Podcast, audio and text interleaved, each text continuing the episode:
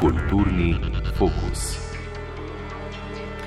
Dr. Marko Frelih, dober večer. Želim več tisočletij minilo od nikoli povsem raziskane staroegipčanske civilizacije, ki svoje kulturne, zgodovinske, arhitekturne in umetniške zaklade skriva še dan danes, ko na tem območju potekajo zelo intenzivne raziskave, intenzivna izkopavanja.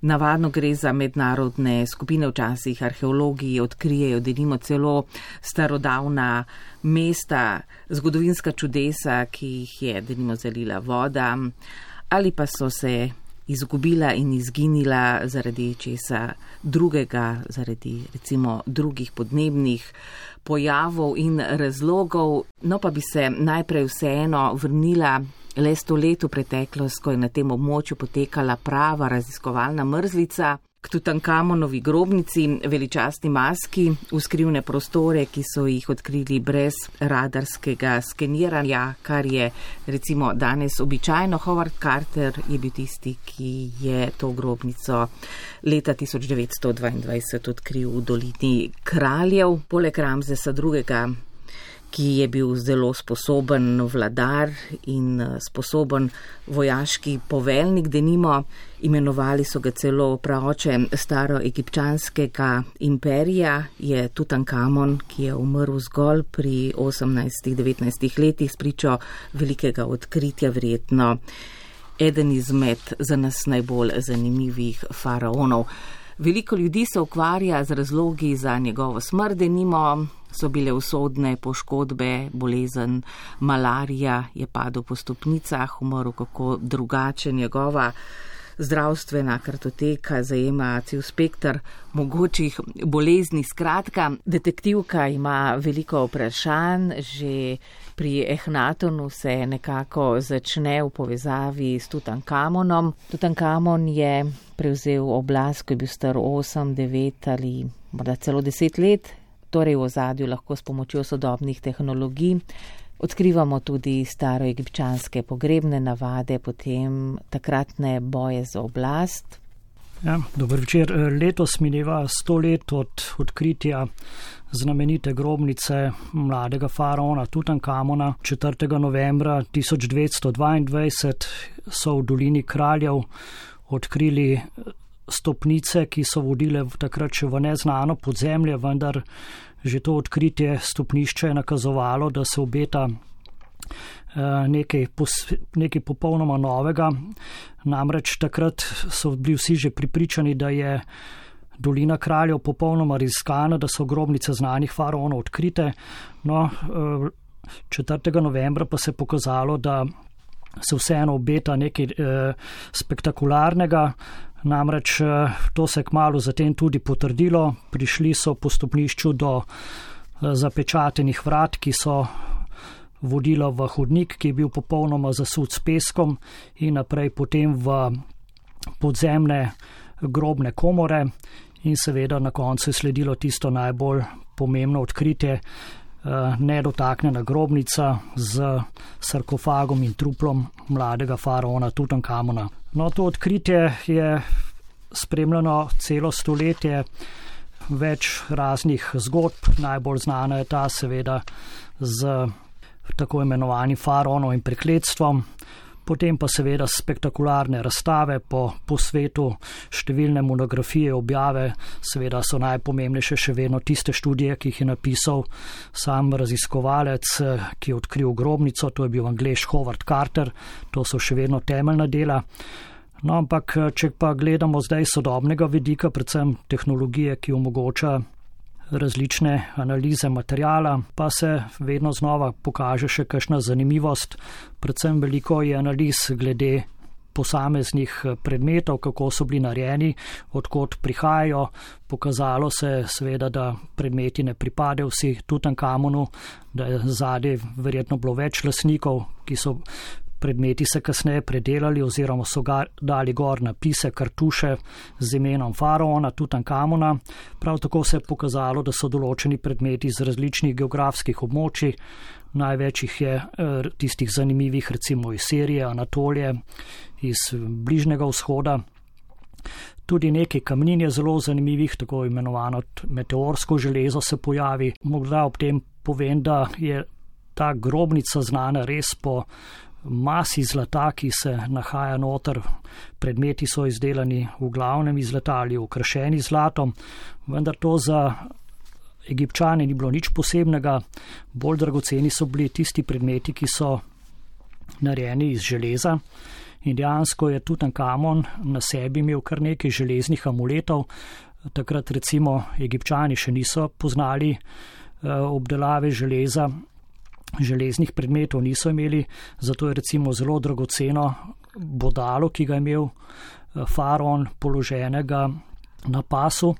No, to bodalo izhaja iz območja Anatolije, današnje Turčije, tako da tukaj se vidijo tudi ti neki medkulturni kontakti oziroma tudi stvar neke mednarodne povezave, mednarodne diplomacije, ki je bila takrat razvita na visokem nivoju. To nam dokazuje predvsem znamenita znameniti arhiv, korespondenca med eh, različnimi vladari Egipta in eh, predvsem bližnjega vzhoda, območja Sirije, Anatolije oziroma predvsem iz eh, področja, kjer so bili Hititi, to je današnja centralna Turčija. No, še danes odkrivamo v porečjih večjih rek, kjer so nekdaj cvetele civilizacije, neodkrite naselbine še pred faraonske kulture, tudi, tudi ostanke nekdanjih anatolskih ljudstev, njihovih imperijev in mestnih državic. Ob reki Tigri so nedavno denim odkrili starodavno mesto na osušenem nabrežju reke Tigris. Torej, najbrž gre za starodavno mesto Mitanskega kraljestva, ampak če se malo še ustavimo pri Tutankamonu.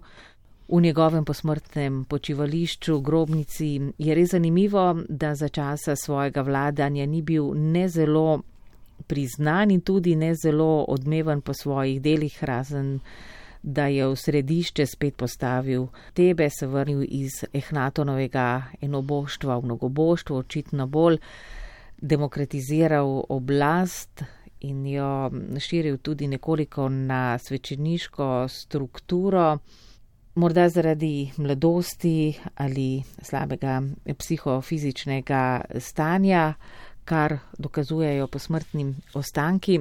Res zanimivo, da je imel tako impozantno posmrtno obrazno obeležje zlato masko. Ja, truplo, ki je bilo odkrito v grobnici mladega faraona, je v precej slabem stanju. To je pokazala analiza že na samem začetku odkritja, ker namreč eh, ni bilo mumificirano po pravilnem postopku, tako da je eh, faraon Tutankamon bil na hitro pokopan. To kaže seveda na neko naglico, ki je verjetno povezana z razmerami, ki so bile takrat precej burne. Namreč to je bilo obdobje eh, nekje okoli 1300-350, ko se je dejansko v Egiptu odvijala tako imenovana, rečemo, eh, predvsem verska revolucija. Že namreč oče od Tutankamona je sprožil eno nenavadno potezo, da je ukinil stara božanstva in na Panteon postavil samo enega boga, to je bil bog Aton. No, z njegovo smrtjo uh, potem Tutankamon naredi preobrat, vrne se nazaj k starim bogovom. Seveda moramo tukaj povdariti, da je bil Tutankamon, ko je sedel na prestol, star dobrih deset let, se pravi, te, on je bil samo tisti, ki je uradno predstavljal. Uh, bi rekel, vladarja države, sicer so pa seveda bili ob njemu predvsem svečeniki in uh, svetovalci, ki so sprožili ta postopek, da se Egipt vrne nazaj k starim bogovom. No in uh, očitno to obdobje ni bilo tako mirno, ampak je verjetno potekalo marsikaj v ozadju in to je sprožilo tudi odločitev, da je faraona treba hitro pokopati. Ob tem se seveda vedno znova pojavlja vprašanje, kaj je bil vzrok njegove smrti. Tukaj imamo številne teorije od dramatičnih zarod, ki povzročijo umor mladega faraona. lahko pa je šlo seveda za neko naključno nesrečo, slučaj, da je ob, zaradi poškodb eh, mladi faraon umrl. Namreč na glavi so vidne poškodbe, sicer pa je boleho oni tudi, tudi za več drugimi boleznimi, tako da danes še vedno staja vprašanje, kaj je povzročilo smrt eh, Tutankamona. To, da je raziskovanje, arheologija, iskanje zgodb starega Egipta neizčrpen vir, pričajo tudi dognanja, da v Tutankamonovem počivališču v znani nekropolski dolini kraljev ostaje še kar nekaj neznank. Tutankamonu zaradi prerane smrti menda ni uspelo zgraditi svoje grobnice, ležal naj bi v nekakšnem predvirju neke druge grobnice, saj so arheologi odkrili, da je za temi zidovi, kjer so našli, se pravi, njegovo zadnje počivališče, še ena taka podobna soba in sicer naj bi bila zadaj po vsej verjetnosti pokopana Nefretiti, sestrična njegova teta. Tutankamonova grobnica je res zelo majhna v primerjavi z vsemi drugimi, ki jih eh, lahko obiščemo v Dolini kraljev. Kdor je bil v Dolini kraljev, točno ve, kakšne grobnice, res monumentalne, se tam nahajajo. Predvsem eh, recimo znamenita grobnica faraona Setija I., ki je dolga 100 metrov in uh, na koncu se konča z grobno komoro, vendar pred leti so ugotovili, da to, to še ni vse, ampak se nek manjši hudnik globoko pod zemlje nadaljuje še za skoraj 100 metrov. Tako da to so bila res velika dela kamnosekov oziroma ljudi, ki so kopali v gorovje v zahodnih tebah in ustvarjali te.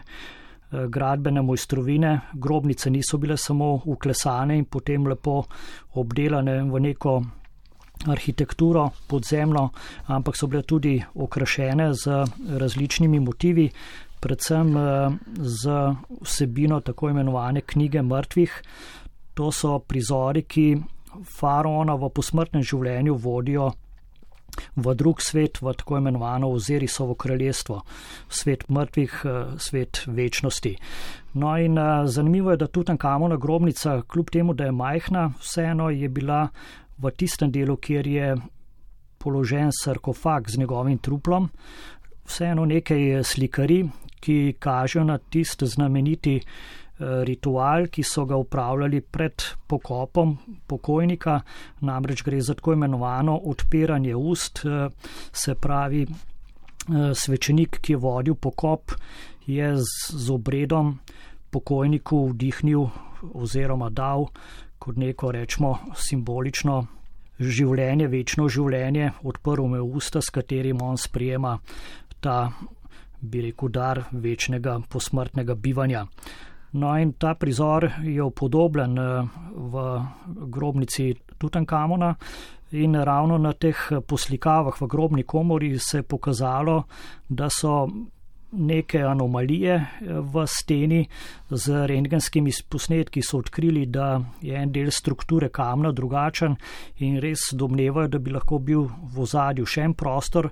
Seveda moramo počakati na dovoljenje inšpektorata za starine, za, za arheološke uh, spomenike, da bojo dopustili, da se to razišče.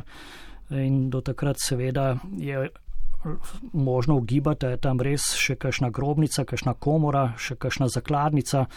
Uh, tako da kljub vsemu pa je Tutankamonova grobnica že potem, da so v njej ohranjeni uh, tako številni predmeti, ki so povezani z verovanjem v posmrtno življenje egipčanov, je že to nekaj fascinantnega, ker eh, vse grobnice, kljub temu, da so mnogo večje od Tutankamonove, so bile že davno izropane. No, Tutankamonova ali Atonova živa podoba, Atonovo življenje je prijetno. Kot eh, so prevedli ime Tutankamon, je seveda še vedno nekakšna Uganka v tej odkriti grobnici naj bi bilo približno 5000 predmetov, nekateri menijo morda, da jih je bilo manj, ampak recimo ta krsta iz čistega zlata, obrazna maska, prestoli, loki, kelihi, stojala, potem pohištvo, pa njegovi sandali. Menda je Howard Carter potreboval kar deset let, da je katalogiziral te predmete, zakladil v grobnicah, v piramidah, so še pred najdbo iz čistega zlata v obliki zlate obrazne maski pritegnili tudi nekatere slovence pod Avstro-Ogrsko sredi 19. stoletja in pozneje, denimo dva Čeha in enega slovenca in pa tudi nekatere, ki so na ta območja prihajali iz denimo znanstveno trgovskega, inovatorskega zanimanja. Torej, tri ekranci pa so odkrivali tudi druge skrivnosti in prinašali najdbe. Med te bi seveda morali vrstiti Antona Laurina, Ignacija Knobleharja in Jožeta Švegla. Anton Laurin je bil avstrijski generalni konzul doma iz Vipave, ki je služboval v Egiptu in je eden izmed tistih, ki so sodili med prve zbiratelje staroegipčanskih starin nasploh. Egipt je že v 19. stoletju pritegnil veliko pozornost, predvsem seveda zaradi izjemnih spomenikov. Na prvem mestu so to piramide, to je le, bi rekel, svetovni fenomen, še danes, še vedno odpirajo številna vprašanja, tako o gradni kot o samem pomenu. No, predvsem so pa seveda na vzven zelo monumentalne in opazne, tako da številni popotniki so si želeli spoznati deželo ob Nilu, predvsem videti ta čudesa s piramidami na čelu. No in eh, kar nekaj slovencev je že v 19. stoletju dobilo priložnost, da se sprehajajo v senci velikih piramid v Gizah. No in uh, najbolj za nas je zanimiv konzul, avstrogarski konzul Anton Lovrin, doma iz Vipave.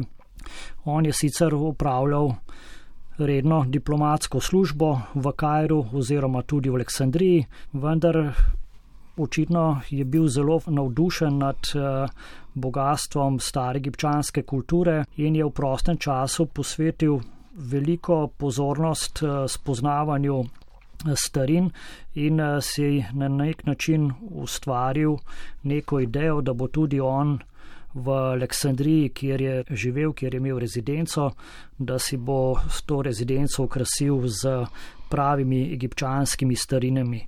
Tako da je začel celo raziskovati, imel je izkopavanja, seveda so to delali drugi na terenu, on je samo spremljal in uh, zbiral to gradivo seveda z dovoljenjem egipčanskih oblasti.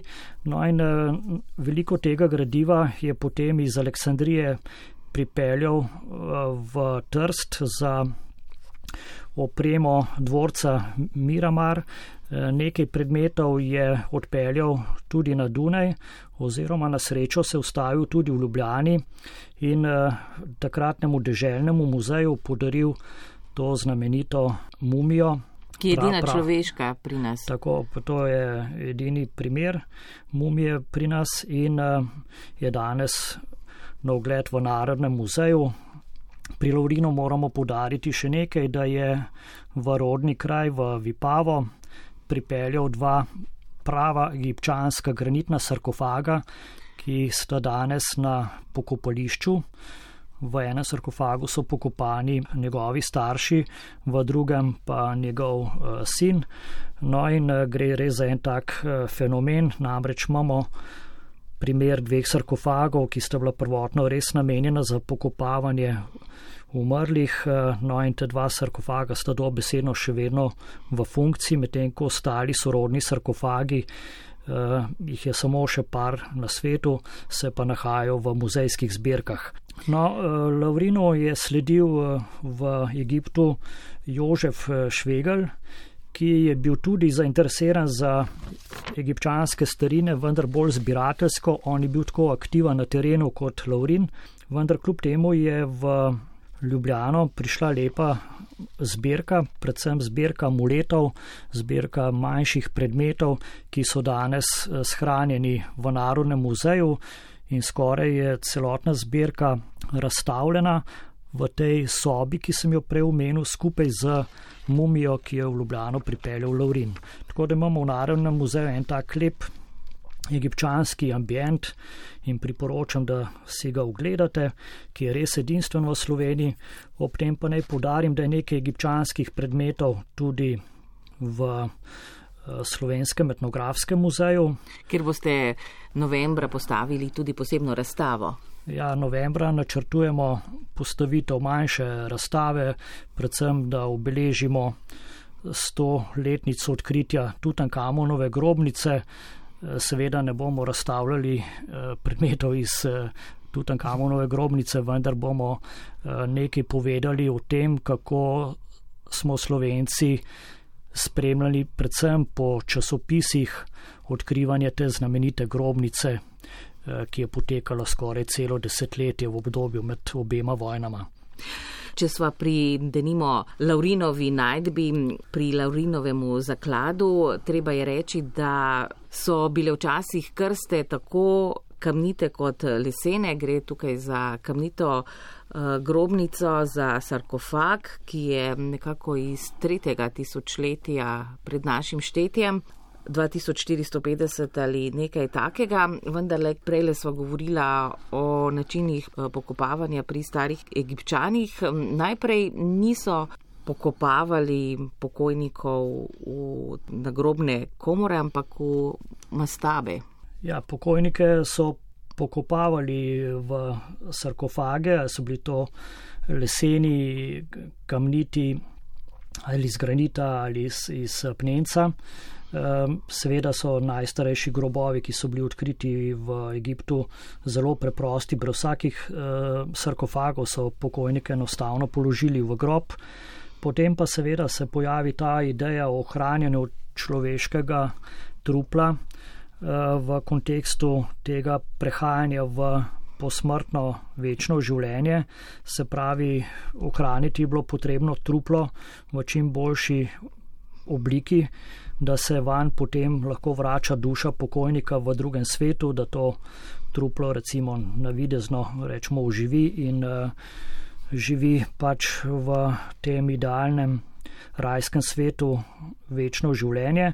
No, ta ideja se seveda vse čas razvijala, Egipt je imel neverjetno bogato domišljijo, kar se tiče eh, življenja v onostranstvu, To je bila, tako lahko rečemo, prava filozofija. E, namreč v Egiptu je zelo pomembno vlogo imela duhovščina in e, svetišča. Namreč ta svetišča niso bila namenjena samo čaščenju božanstev in faraonov, vendar so bili to pravi neki, rečemo, raziskovalni centri, tam so bile knjižnice, eh, ljudje so raziskovali, preučevali vse, kar je možno v zvezi z naravo, s človekom, eh, podnebjem eh, in tako naprej. To so res bile pomembne inštitucije.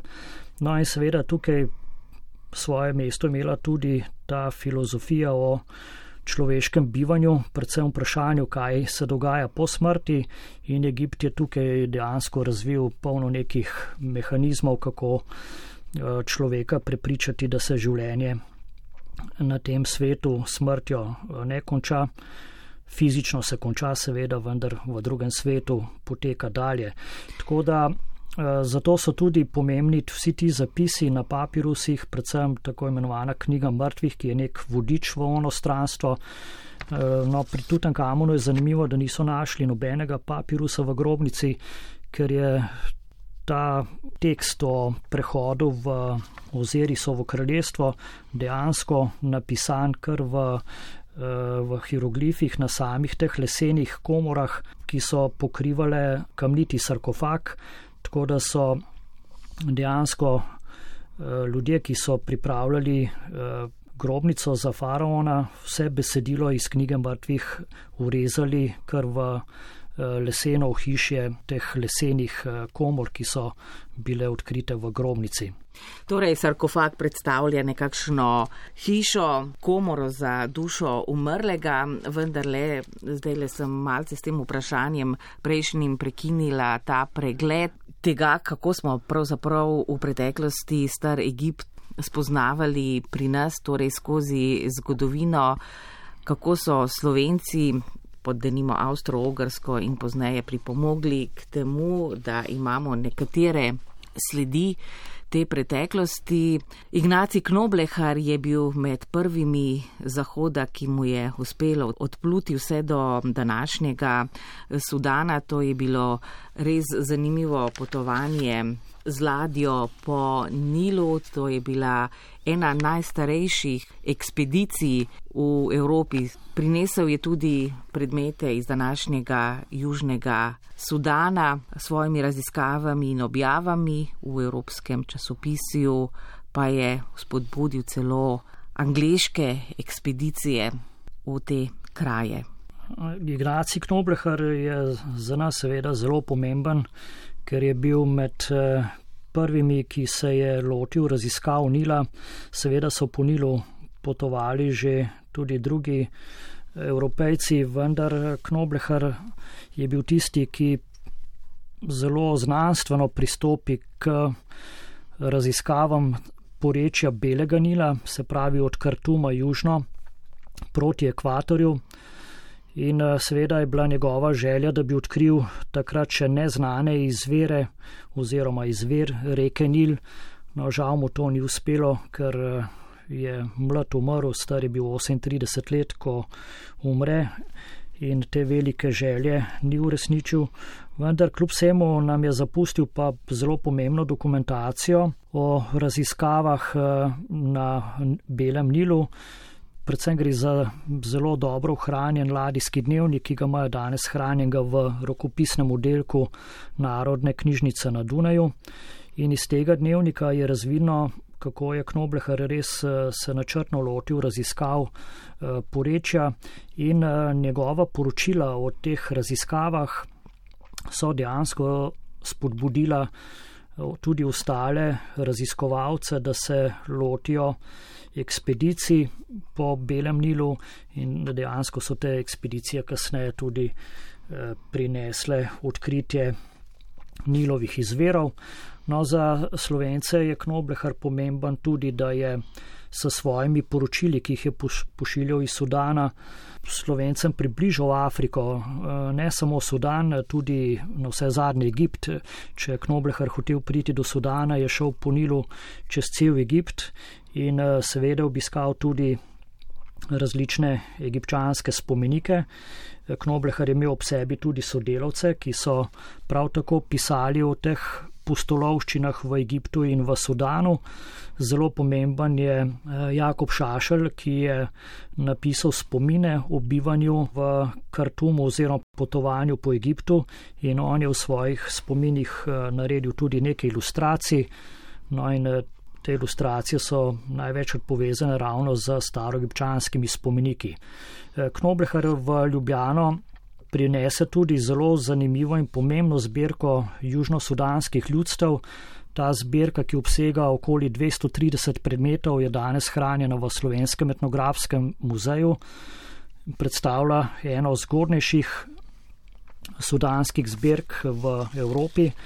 Predvsem je pomembno, da je zelo dobro dokumentirana in načrtno zbrana eh, in eh, prikazuje materialno kulturo različnih ljudstv tistega časa, predvsem eh, šilukov, dinke, bari in ostalih ljudstev, predvsem na območju današnjega mesta Džuba, to je glavno mesto Republike Južni Sudan v Knoblehrem času pa se je imenovalo to naselje, manjše naselje Gondokoro, kjer je Knoblehar imel tudi misijonsko postajo. Kot ste rekli, je Ignacij Knoblehar potoval po Belem Nilu skupaj recimo skupino z ekipo, spremljal naj bi ga barijski poglavar z imenom Muga. Torej, je poslušal tudi različne pripovedi, nekaj dnevnikov oziroma skic risb ne bi se izgubilo. Rekli ste, da so se dnevniki našli na Dunaju, pa vendarle lahko seveda to popotovanje imenujemo tudi eno izmed zgodnih, morda etnoloških, etnografskih, hkrati tudi antropoloških morda potovanj. Kakšno vrednost imajo pravzaprav ti izsledki, njegovi izsledki danes? Življenje Ignacija Knobleharja, eh, katoliškega misionarja in eh, raziskovalca v Južnem Sudanu sredi 19. stoletja, je pomembno predvsem z vidika teh zgodnih poročil, ki jih je on pošiljal v Evropo, ob zavedanju, da je sobivanje z domačini zelo pomembno, eh, tako v smislu razumevanja teh različnih kulturnih navad, kot eh, predvsem jezika. Knoblehar na, se namreč zelo hitro naučil barijskega jezika, pri tem mu je bil veliko pomoč tudi dober prijatelj, poglavar Muga. Eh, z njim je Knoblehar celo potoval po Nilu eh, vse do Aleksandrije, kjer je sprejel nove sodelavce, nove misionarje, pomočnike v misijonu. No in Muga je dejansko bil eden od teh ki je Knobleharju pomagal razumeti tako jezik, kot tudi eh, običaje, način življenja domačinov v Pnilu. Namreč domačini so eh, misionarje zelo lepo sprejeli eh, ravno zaradi tega nekega eh, pristopa razumevanja različnosti.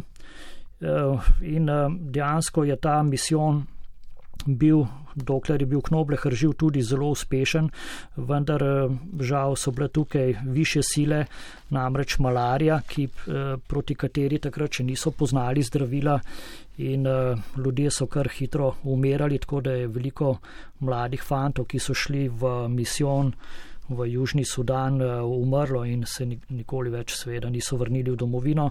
Tudi Knoblehar je zbolel, takoj šel z ladjo do Aleksandrije in naprej do, do Evrope. Bil je pripričan, da bo dosegal urodni Škocijan eh, na Dolenskem, vendar žal ga ni. Ladjo je zapustil v Neaplu in eh, tam je tudi umrl in je v Neaplu pokopan. No, popotniški podvigi in raziskovalno iskanje zakladov pa se je seveda nadaljevalo tudi pozneje, tudi po letu 1922. Denimo leto 1931 je zelo zanimivo zaradi potovanj na raziskovalne poti, predvsem slovanskega stališča, tudi potovanje Iržja Bauma in Františka Fojta iz Češko-Slovaške, kako sta povezana z našimi kraji, ki sta jih prečkala. Njuno potovanje je veljalo za enega najuspešnejših podvigov tistega časa in sicer sta zbirala starine za muzeje. Slikar Fojt pa je tudi proučeval staro umetnost, egipčansko arhitekturo, medtem ko je bil Baum češko-slovaški naravoslovec in potujoči znanstvenik iz premožne praške družine, ki se je skupaj s Vojtom odpravil na raziskovanje na sever Afrike, njuni usodi se nekoliko razlikujeta. Ja, to potovanje je za nas zanimivo predvsem z enega razloga, da je zapuščina, predvsem afriška zapuščina, afriška zbirka Františka Fojta, znanega umetnika češkega kiparja, da je ta zapuščina končala v Velenju, namreč eh, leta 1971 je prišel Fojt skupaj z ženo v Velenje, tam sta nameravala preživeti, rečemo, preostanek življenja, vendar se je Fojtovo življenje kar hitro izteklo in je umrl v prometni nesreči, no ampak eh, zbirka, afriška zbirka, ki eh, šteje preko tisoč predmetov, je pa ostala v Velenju in je danes na ogled v muzeju Velenja na gradu. To je dejansko res tudi največja predstavitev afriške kulture, predvsem umetnosti pri nas v Sloveniji. In eh, poleg materialne zapuščine zakoncev Fojt je zelo pomembno tudi fotografsko gradivo. ki je tudi zelo dobro ohranjeno in največ gradiva je iz potovanja, ki sta ga zakonca Foyt upravila po drugi svetovni vojni.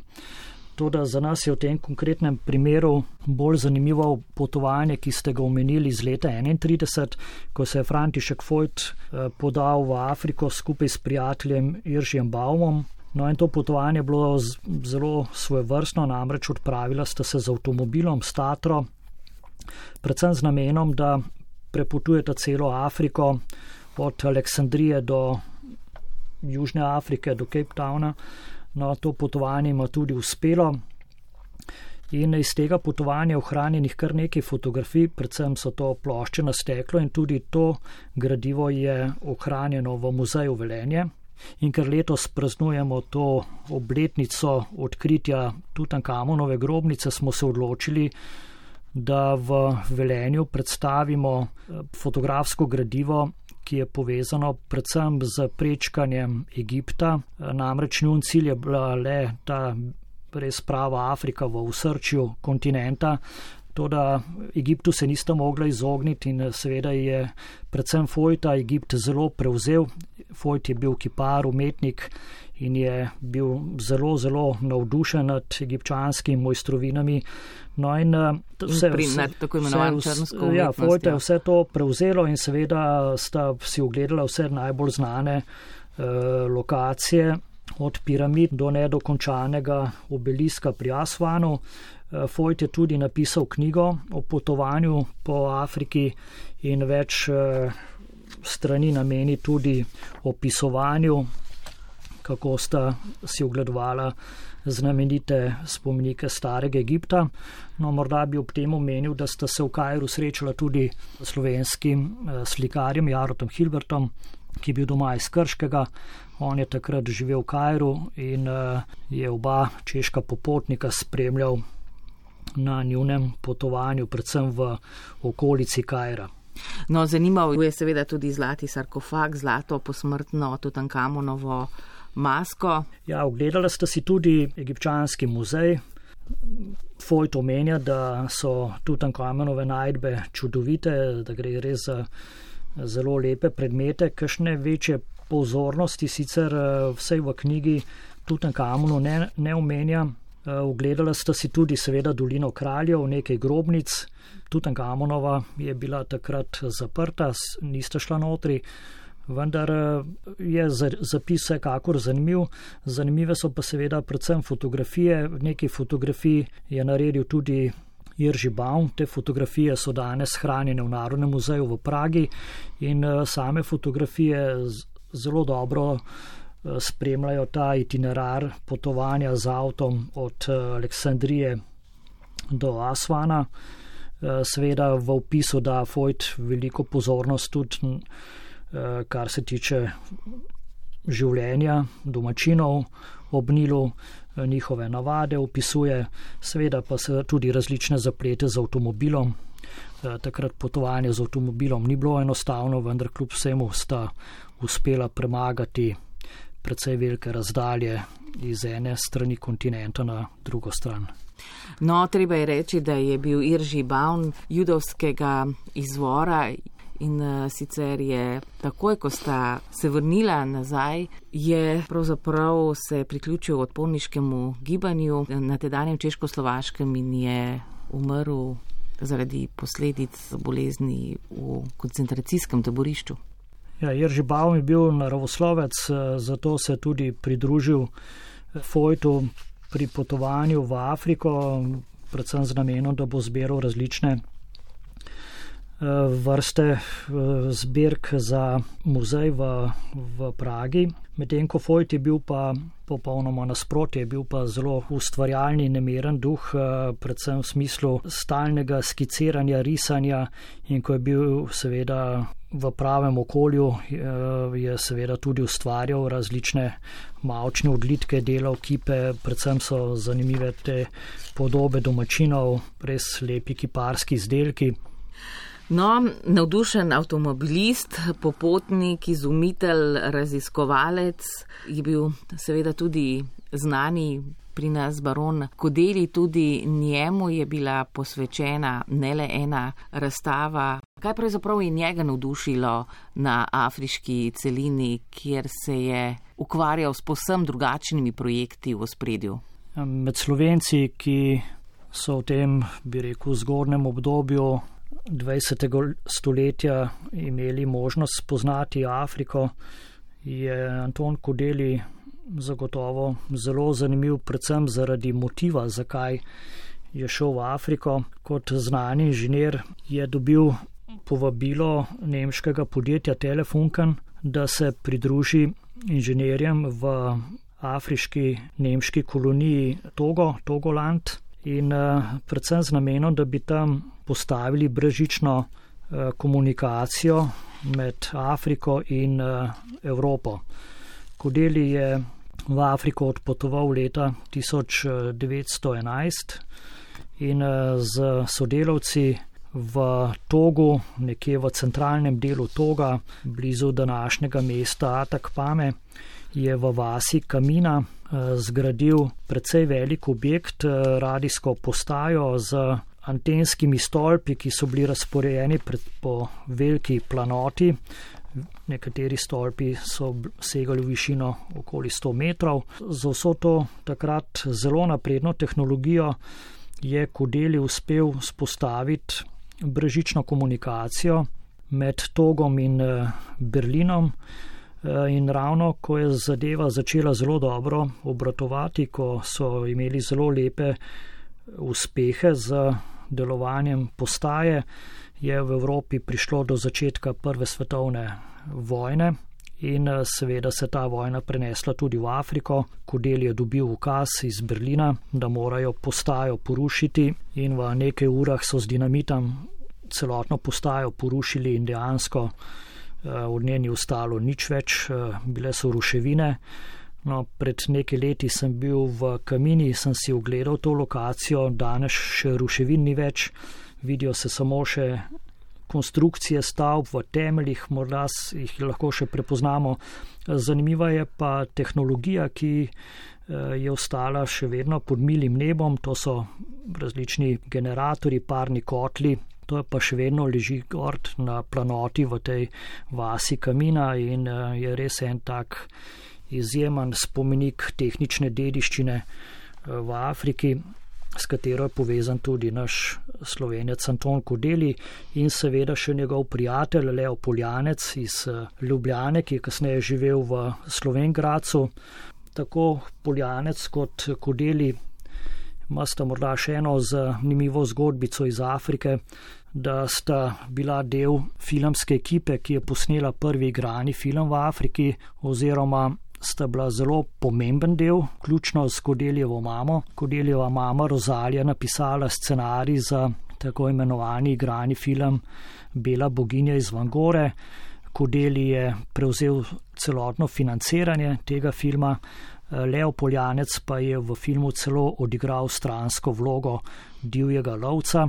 Lansko leto smo naredili razstavo Leo Poljancu, še prej pa večjo razstavo o Kodelju, oba pa vedno, predvsem v Slovengracu in v Slovenskem etnografskem muzeju, vedno znova skušamo predstaviti to njuno posebno vlogo v zgodovini eh, slovenskih stikov z Afriko. Eh, mogoče bi še omenil, da je bila lansko leto zelo zanimiva razstava v Šalaburgu v Avstriji ob Donavi blizu mesta Melk. Tam v Šalaburgu smo predstavili izbor predmetov Ignacija Knobleharja in Kodelja, namreč razstava je pripovedovala o teh eh, popotniških, raziskovalnih, izbranih primerjih iz avstrijske zgodovine, kako so uh, Avstrijci spoznavali tuje kulture, no in v to zgodovino sta bila vključena tudi eh, Ignacij Knoblehar in Anton Kodeli. Ker vzrok za današnjo oddajo tiči v stoletnici odkritja omenjene Tutankamonove grobnice, bi se morda vrnila prav na geografsko, zgodovinsko izhodišče in sicer, kot je bilo rečeno na začetku, dajo včasih zaradi podnebnih sprememb denimo zaradi umika voda, dolgotrajne suše odkrijejo celo stare naselbinske kulture. Eh, Veliko krat pri tem sodeluje več ustanov iz različnih držav sveta. V Luksorju so denimo lani odprli starodavno cesto, ki je povezovala piramide v Karnaku in Luksorju. V času Novega kraljestva so po tej cesti prenašali kipe tebanskih božanstev, šlo naj bi za slavljenje plodnosti in rodovitnosti porečja Nila. Vzdolž ceste stoji približno tako ocenjujejo 1050 kipov svink, mnoge med njimi je seveda najedel z občasa, so pa s človeškimi in ovnovskimi glavami. Poleg tega ti kipi do danes seveda še niso vsi odkopani, le kakih 360. Potem denimo 4600 let staro plovilo ladjo faraona Kufuja so preselili iz dolgoletnega domovanja ob piramidah v Gizi. V Sakari so odkrili tudi več deset neodkritih sarkofagov uradnikov, svečenikov iz obdobja 26. dinastije. Artefakti so stari okrog 2500 let, zelo lepo okrašeni, leseni in zapečateni. Na kraju sicer obširne nekropole staroegipčanske prestolnice. Memphis vendarle, pravzaprav eden izmed največjih projektov pa je novo grajeni veliki egipčanski muzej Gem, na kratko skratico rečeno. Obenem bo seveda ta muzej največja arheološka zbirka na enem mestu na svetu, saj tako obljubljajo. Ta muzej naj bi odprli že denimo pred desetimi leti, potem leta 2020 je bil zadnji datum, vendar le se zdaj menda obeta odprte tega, te orjaške nove stavbe ki stoji neposredno ob slavnih piramidah v Gizi in zajema čas od prazgodovine do grške in rimske antike, tudi zbirka 5400 predmetov, ki bodo prenešeni iz Tutankamonove grobnice, sicer je pa v Kajru shranjena v muzeju, v tem starem egipčanskem muzeju tudi maska, Tutankamonova maska. Novi muzej v Kajru oziroma v senci piramid, velikih piramid eh, v Gizi bo zagotovo res senzacija tega leta, predvsem kar se tiče egiptologije, arheologije, bo to veliki praznik za obe vedi. Namreč, kot ste omenili, se je res dolgo pripravljala ta otvoritev, no in letos, ko praznujemo obletnico odkritja Tutankamonove grobnice, bo prišlo tudi odkritja do velikega muzeja, kjer bo dejansko predstavljen verjetno res tisti najbolj popoln izbor znamenitih eh, predmetov, mojstrovin iz starega Egipta. In eh, seveda bo glavna senzacija, po mojem mnenju, še vedno Tutankamon, seveda pa so tukaj pomembni spomeniki tako iz starejših dinastij, kot tudi iz mlajših, eh, z obdobja eh, Grkov, Ptolemajcev, oziroma tudi na vse zadnje iz rimske zgodovine. Vemo, da so tudi rimljani, predvsem nekateri cesari, bili zelo fascinirani nad starim Egiptom in preživeli kar nekaj časa v Egiptu in tam pustili spomenike, ki še danes spominjajo na njihovo prisotnost. No, ta muzej ima tudi lepo lokacijo blizu piramid in eh, dejansko bo cel ta prostor dobil en tak eh, lep kontekst. Na eni strani ta mogočna arhitektura eh, iz obdobja prvih dinastij, velike piramide, Keopsa, Kefrena in Mikerina, na drugi strani pa velika arhitekturna mojstrovina sodobne dobe z izjemnimi egipčanskimi spomeniki. Tako da se veselim tega obiska, upam, da bom kmalo si lahko to ogledal. Predvsem pa moram pa povdarjati, da ne smemo pozabiti starega muzeja, ki ima pa tudi svoj čar. Le v tem muzeju je pač dolgo časa domovala ta znamenita egipčanska dediščina, tudi z Tutankamonovo grobnico, s predmeti iz Tutankamonove grobnice in je seveda ta muzej imel en tak malo tak starinski šarm, vendar seveda čas gre dalje, tudi uh, muzeologija se razvija in je prav, da namenjamo tudi do, dobre, eh, kvalitetne prostore, klimatsko, predvsem dobro urejene za predstavitev dediščine, ki pa vemo, da je po eni strani zelo občutljiva, ravno Tutankamonovo. Uh, Eh, gradivo je zelo občutljivo, eh, tam je veliko organskih materijalov in seveda zahtevajo posebne pogoje za predstavitev širši javnosti. No, eh, omenila sva denimo prejle um, selitev v ta ogromni muzej ladje, ki se imenuje Sončna ladja prejle je, bila, je imela svoje domovanje o piramidah v Gizi, zdaj le je torej že dospela do tega novega muzeja. Poleg tega se včasih zdi, da to arhitekturno spreminjanje da nimo vpliva tudi na spreminjanje same krajine, obiskovalci znamenitosti naj bi imeli lažji dostop in lepši pogled na piramide in ostale znamenitosti je vse se zdi lažje, dostopno vse na enem mestu. Ta razstava Tutankamonova je potovala po svetu od leta 19, recimo zadnje tako večje potovanje po različnih državah. Ne vem, kje sicer se je uh, to potovanje ustavilo, glede na to, da je ogled teh starin onemogočil COVID. Uh, zanima me, kaj menite v zvezi s tem vračanjem najdb in njihovim zbiranjem v sodobnem času. Nekatere države so se vendarle odločile, da bodo starine znova odstopile domovini, kjer so nastale denimo ali pa kjer so bile najdene.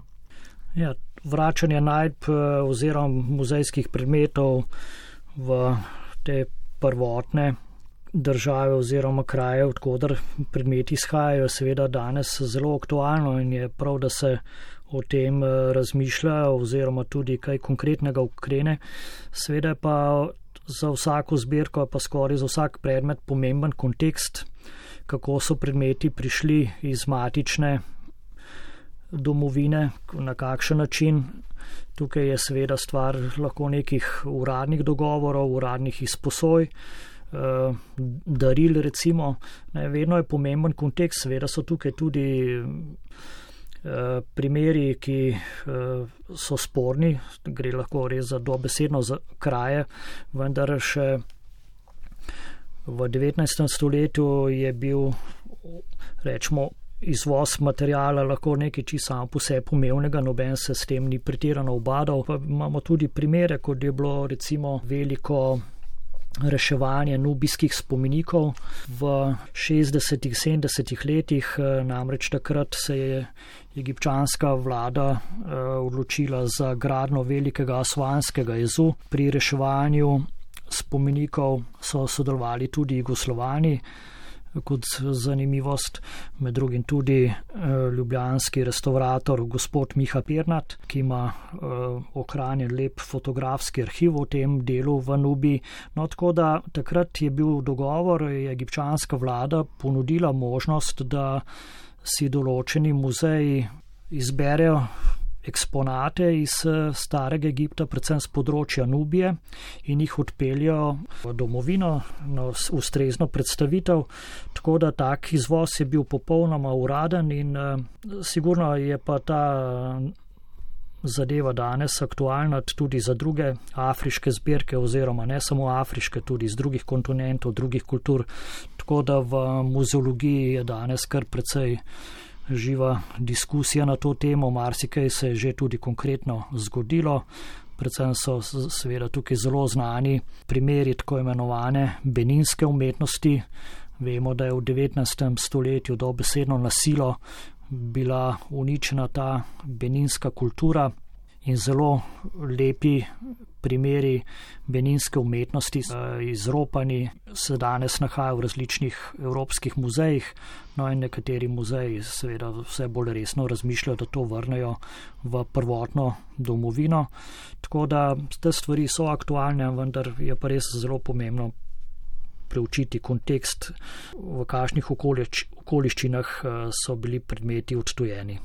Kaj pa menite o tem, kar sem že tudi omenila, o denimo spreminjanju tako naravne kot eh, kulturne eh, krajine, denimo zaradi ekonomskih interesov oziroma zaradi kulturnega turizma na področjih starih kultur? Ja, vsak razvoj prinese neke spremembe, to je razumljivo in uh, ta množični turizem je tudi prinesel svoje. No, jasno, da so taki primeri prisotni tudi v Egiptu. Množični turizem ne, po eni strani prinaša ogromen dobiček, eh, več milijard dolarjev na leto, po drugi strani pa ta obisk turistov seveda spreminja krajino. Recimo se še spominjam leta 83, eh, ko sem s kolesom se peljal v dolino kraljev, tako rekoč nobenega avtobusa, nikjer ne pred mano, ne za mano. In uh, bil sem tako rekoč tudi kar en lep del dneva, skoraj sam tam v dolini kraljev, oktober 1983, ne, zdaj pa recimo Dobri 40 let kasneje ne, imamo pa v Dolino kraljev speljano pravo avenijo, ne, po kateri drvijo avtobusi gor in dol. In seveda, to so spremembe za prostor, vendar to prinese razvoj, nove okoliščine, seveda tudi eh, neke ekonomske razmere, verjetno ljudi prisilijo v to, da grejo v takšno obliko. Za okolje pa mislim, da to ni dobro. Tudi seveda marsikje eh, se zavedajo teh posledic, eh, tudi glede masovnega obiska spomenikov in začenja vse bolj omejevati ta obisk, tudi Dolino kraljev recimo so uh, začeli omejevati glede obiska, sploh kar se tiče obiska posameznih grobnic, ker je človeška prisotnost uh, pustila neke posledice, predvsem na slikarijah. Tako da tukaj je po eni strani COVID eh, bil dobrodošel, da je te stvari malo ustavil in eh, verjetno se je dal možnost nekemu razmisleku ali še nadaljevati s to množično obliko turizma ali pa stvari malo spremeniti tako v korist samega naravnega okolja, kot tudi v korist spomenikov, da se jih pretirano ne uničuje tudi zaradi nekih ekonomskih razlogov. Najlepša hvala za obisko Daj kulturni fokus, dr. Marko Frelih in za vso to pripoved o denimo drobci zgodovine starega Egipta iz njegove kulture, umetnosti, religije in seveda za obnovitev vedenja in znanja, ki ga imamo v zvezi da nimo s faraonskim starim Egiptom. Lep večer še naprej. Ja, hvala za povabilo.